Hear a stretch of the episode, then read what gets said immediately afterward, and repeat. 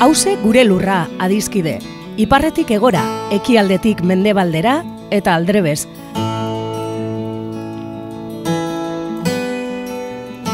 Lurra bakarra dugu edo gaituen lur bakarra da hause. Eta zaintzak dan hori dagokigunez, hemen horretaz egingo dugu berba. Lurraren zaintza kontu ekonomiko, ekologiko eta politikoa da, baita kulturala, kolektiboa eta publikoa.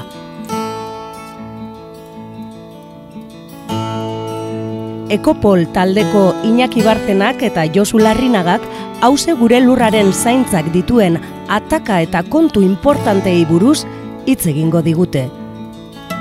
Lurrosoaren erasoak ezin garaitu zezakeen hiri bat ikusi nuen ametxetan.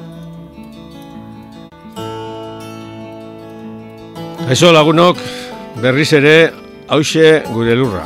Ekologiaz eta ekologismoz eh, egiten dugun irratzaioa Bilbo hiri irratian eta betiko lez, eh, ben eh, solaskide moduan, Josu Larrinaga, ekopoleko laguna.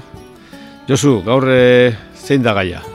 Bueno, ba, gaur gaia azken momentuan eh, erabaki dut Iñaki, bueno, eh, hemen programa honetan eh, tokaioz beteta gaude, gure e, produktorea eta soinu teknikaria Josu du izena be bai, abizena du zabala eta gero programak e, e, podcastak e, web horrian ipintzen dituena zabala da be bai, Javi Zabala eta aste honetan Javik e, ipini du e, bueno, beste podcast bat e, e, baso borroka, herri borroka da eta horre berak e, bueno, oso testu polita gehitu du aurkesteko podcasta eta jartzen du ere argazki bat e, berriki arratian egindako baso borroka bat nolabait eta bueno, horrek e, eraman nau egiteko horri, horri buruzko beste e, irratza jotxo bat, ezta? Eta hau deituko genuke agian e, baso borroka, taju borroka izan behar dela, tajuse egin behar dela, ezta? E, arratiako ekintza hori e, irautza txikien e, akampadaren barnean egin zen abuztu bukaeran, ez da? Eta, bueno, bertan e, funtzean e, mendian, e, basoan, e, eukalituak kendu eta aritzak e, landu egin ziren, ez da? Baina hor, nik esango nuke eta apurtxo bat e, aurreko irratsaioan ere e, landu genuen e, ezaugarritzean e, e, zera sakonduta e, hor bi ekintza diferente egin ziren nolabait nahaztuta, nahaztuta ezta?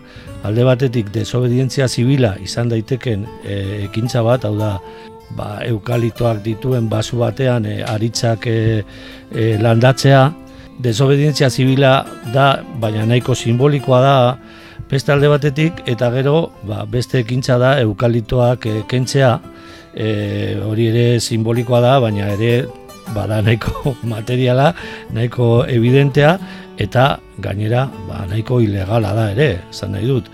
Biak nahaztuta, e, lehenengo arazoa izan zen e, bertan, persona batzuk manipulatuta sentitu zirela. Jende asko joan zen, aritzekin eta e, landaketa bat egitera, baina topatu ziren beste persona batzuk nola baita euren identidadea izkutuan gordetzeko neurriekin e, babestuta normala den moduan, ba, zera, eukalitoak e, botatzen e, atzi zirela, ezta? Eta nola horrek e, ba, ekartzen du kritika bat e, abanguardismoarena. Egia da, nire ustez, ekintzaile eskutukoek euren burua babestu behar dutela, egia da nolabait ere babes, babesa izan daitekela beste jende talde handiago baten e, erdian e, egotea, baina egia da bai kasu horretan, ekintza bikoitz horretan parte hartzen duen e, mundu guztia jakitean egon behar duela, edo zertan e, doan, ez da.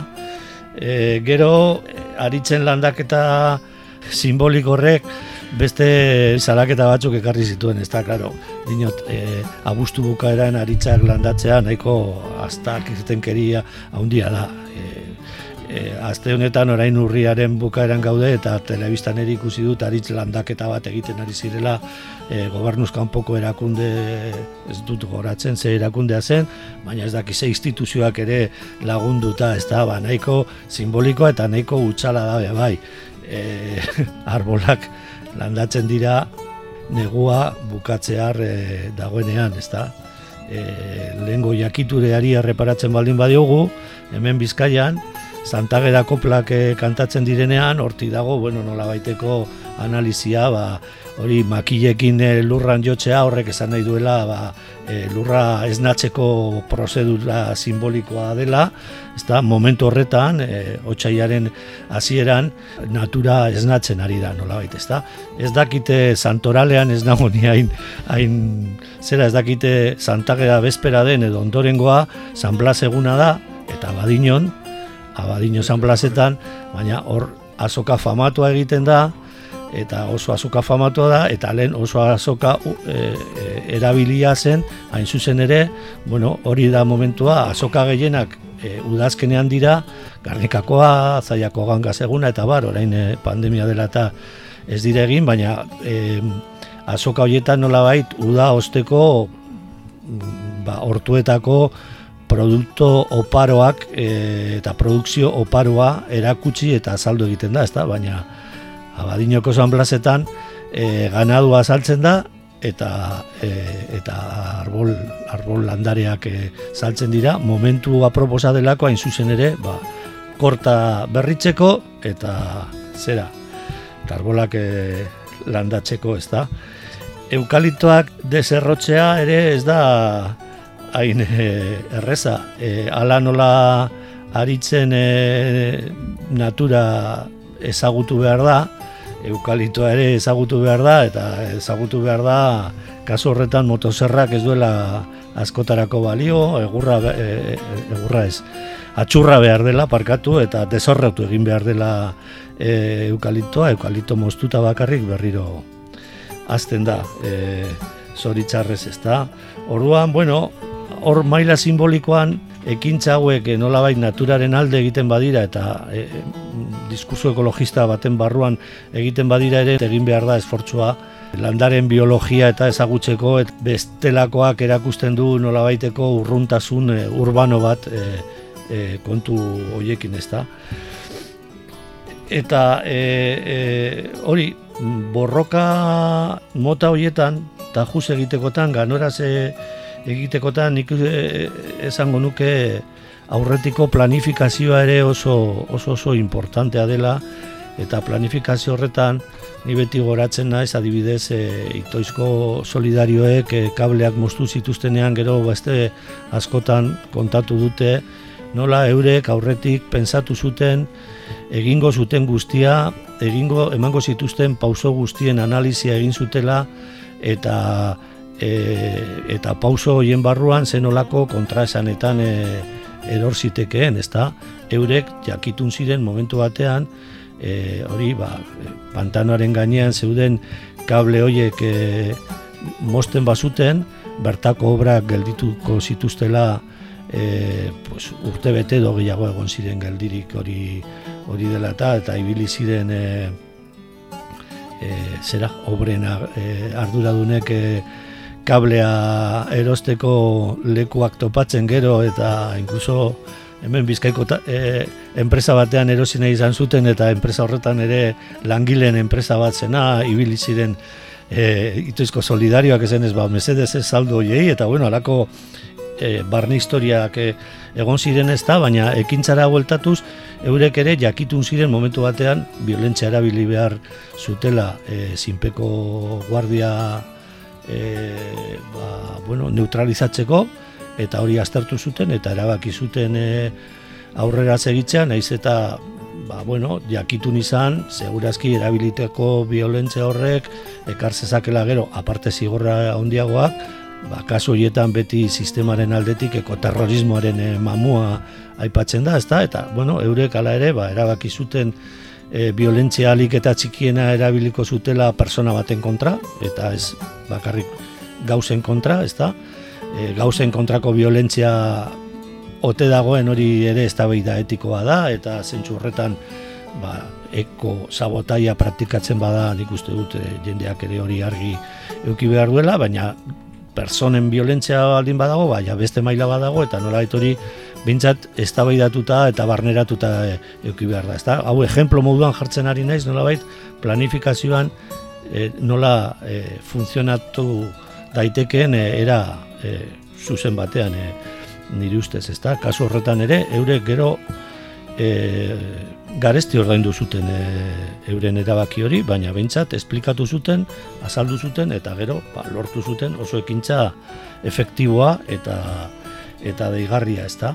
Baina askotan e, e, herri honetan eta horretan badaude esperientzia latzak, badago alako joera bat planifikazio horretan asko espentsatzeko eta e, aktivismo edo aktibi, aktibokerian e, ekin, e, ekinkerian e, erortzeko, ezta? E, egin egingo dugu einporein edo, bueno, importantena da egitea.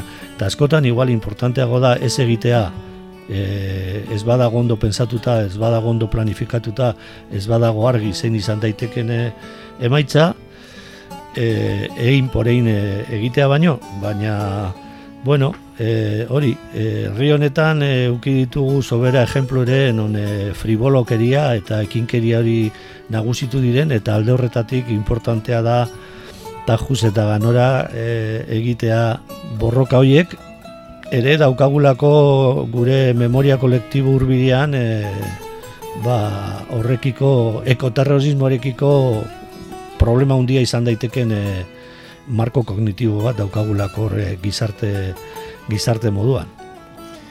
Gai potolo eta eta eskurtartean e, hori erre egiten duen horietako bat ekarri duzu. Euskal Herrian Nik uste zorionez, azkenengo amarkadatan e, asko ikasi dugu borroka molde inguruan asko eztabaidatu dugu. Eta beti izan ditugu, ba, bueno, ba, e, desberdintasunak, e, diferentziak eta nolabait ba, batzuentzat abanguardismoa ezinbestekoa da. E, batzuk arriskatu behar dute eta aurretik joan behar dute eta, bueno, batzutan hori. Ekinkeri, bueno, dinamika horiek, bueno, ni ados nago zure kritikarekin. Baina, gero, kasu hontan eta hemen fokatuz, eh? eukaliptuen kontrako burrukan, eh, egon dana da, bebai, ez da bat, eh, aspaldiko partez, kolore guztietako basoan eh, kanpaina, eta orain, ba, Arturo Elosegi, et, Universiadeko katedraduna. Ari diren e, planteatzen herri-serri e, itzaldiak eta jendea konbertitzen batez ere e, lurjabe txikiak eta bueno, esain txikiak, ba, nolabait aldatzeko, aldatzeko euren euren e, landaketak eta ekolituen kontrako ba, ekintza olako bortiz batek badirudi konfrontazioa e, ekartzen duela eta karo, mm, kontu da, bueno, nola ustartu daitezke borroka molde diferenteak oso gatza da, ez? Baina nik esango nuke bestalde batetik, bueno, naiz eta onartu zuk planteatu duzuna, ez? Ba, eukaliptuen kontrako burruka hori, ba, bueno, ba, ba, batez ere, e, nahazten dituenean bi publiko diferentea, batzuk doazela e, aretzak landatzera, eskurrak dituztela, jakin barik, eskurrak, e, hori, zuk esan duzula, ez? Abustuaren bukaeran, ba, ezin dira landatu, ez? Baina, hori, nik bai esango nuke, e, askotan pentsatu dugu, eta Euskal Herri eta hori da nola baite ekartzen dizudan e, reflexioa ber zer oitzen zaizun. Hau da, eukalituen kontrako burrukan badago e, korronte bat edo burruka bat dena okupatzen dana eta ezin dala horre beste borroka moldeak e, konpartitu, ba, bueno, hori da ez da ez. Hemengo politika, monokultiboren politika hau e, batez ere Gipuzkoan eta Bizkaian izan da, izan dana, eta orain jendea saltzen nahi da, orain konturatzen zara, ez, el korreok ere bai egiten du eukalituen kontra eta pinuen kontra badirudi orain e, txip kultural hori aldatu dela eta orain ja e, konturatzen gara epinua eta eukalitua ez direla ez direla negozio on bat, ez? Orduan, nire galdera da, e, zelan ikusten duzuzu eukalituen kontrako burka hortan estrategia edo edo hobeto esan da taktika diferenteak planteatzea, ba, nolabait, ba, batzuk e, eukalituen kontrako desobedientzia zibila edo esango nuke edo ekosabotajea egiten dute eta beste batzuk ari dira herri-serri talde berriak sortzen, batez ere lurjabeak e, konbentzitzeko ba, beste baso politika bat egin dela, ez? Hori ustargarria da? Bueno, nire ustez alde batetik esan behar da, e, naiz eta orain ja sistema osoa planteatu e, pinuena desastre bat izan dela eta eukalitoena beste desastre bat izan dela, argi dago inertzia bat dagoela, batez be baso jabe txikien e, artean, batez be sektore horretan sekulako abandonismoa dagoelako, badago baso jabe asko e, inguru urbano batean bizi direnak, ez dakitenak ez da lurzailak ere non dituzten, eta badaude ere basarritar batzuk ere euren errenta osagarri bat atera nahi dutela baso gintzatik, eta hor, depende zelekutan eta e, e, egongo da inertzia bat ondino eukaliptoak e, landatzeko, ez da? Beste alde batetik esan behar da eukaliptoak landatzea, eta eukaliptoak e, lantzea Euskal Herrian oso ekintza bortitza dela eta oso eta e, e, kalte ekologiko oso handia egiten duela. Eta ez diola bakarrik kalte ekologiko handia bere lurzailari. Inguru osoari egiten zaio kalte, eukalitoek lehortzen dute lurra, agortzen dituzte e, iturriak, eta bar, eta bar, hau da, ekosistema osoari, edo bintzat baiara, edo baiaratxo osoari, egiten zaio kalte eta kalte handia eukaliptoak e, e, landatuta. Eta gainera, esan duguna, e, eukaliptoak behin landatuta oso oso komplikatua da kentzea ez bakarri bere baliagarritasun ekonomikoa, bai bere naturagatik behin landatuta daudela invasiboa dira eta gero ere ba, zuten kasuan ere oso oso problematikoa dira eta bar eta bar. Orduan zentsu horretan eukalitoen kontra borrokatzea era radikal batean, e, nire ustez erabat zilegia da. Jarrera etiko eta politiko eta estetiko batetik bai oso itxuzitu egiten bai dute gure basoa, e, eukalitoen azpian ez dago ez da ezer ateratzen eta bar eta bar ez da. Berretxikoa bez. Berretxikoa bez, hori da. Baina hau esan da, ba, momentu honetan, eta batez be ba, jabe partikularren e, kasuan e, hori landaketa horien kontraritzen bada, ba, nire ustez borroka horren esparrua da ekosabotaia, eta zentsu horretan ba, klandestinoa edo bintzat eskutua edo bintzat e, ba, e, ezaitzatela ikus, ikusi ez da e, e, planteatu, planteatu behar da. Eta orduan, ekintza horiek garatu behar dira, baina hori ba, posible bada, beste ekintza mota batzuekin nahaztu gabe edo besteak kutsatu, kutsatu gabe. Eta beti, ba hori, era erdi klandestinoan edo bentsate, eh, bueno, sasian ibiltzen danean, orduan askozaz importanteago da e, planifikazioa eta oso ondo pensatzea zer egin daiteken eta zer ez.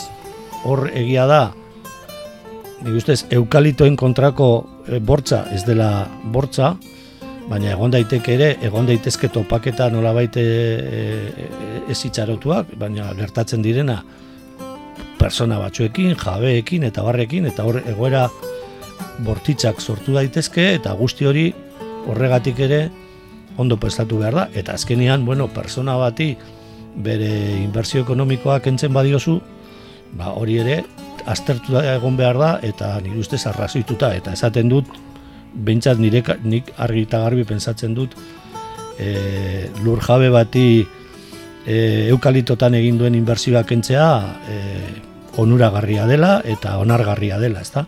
Baina, ni ustez, hori, era harinean egitea, e, ekarditzak egero kalte handiagoak e, onura baino. Bueno, eta bueno, eukalituak e, eta pinuek e, zoritzarrez esango nuke, ba, emango digute berbaiteko eta eta programa gehiago egiteko. Baina bueno, hori da nolabait eh, hori gure lurraren parte, ez? Eta bueno, e, zein da gaur ekarri diguzun kanta ba programaren bukara alaitzeko edo. bueno, ba, kanta klasiko bada, ez da? E, de klasek egin zuen ezaguna eta Euskal Herrian hartzaina taldeak egin zuen are ezagunagoa, ez da? Legea borrokatu nuen eta legeak ito. Hori ere pensatu behar da, e, legearen kontra aritzen danean ez da, azkenean nola baita alako sentimentu tragiko bat euki behar da, pensatzeko agian legeak itoko gaituela, bueno, gure produktore eta soinu teknikariari eskatu diote ze bertsio aukeratu eta berak esan dit e, kasu horretan e, klasikoetara joan behar dela eta Bobby Fuller izan zen kanta hori egin zuen e, soul kantaria eta e, bertsio hori entzungo dugu I fought the law eta the law gun.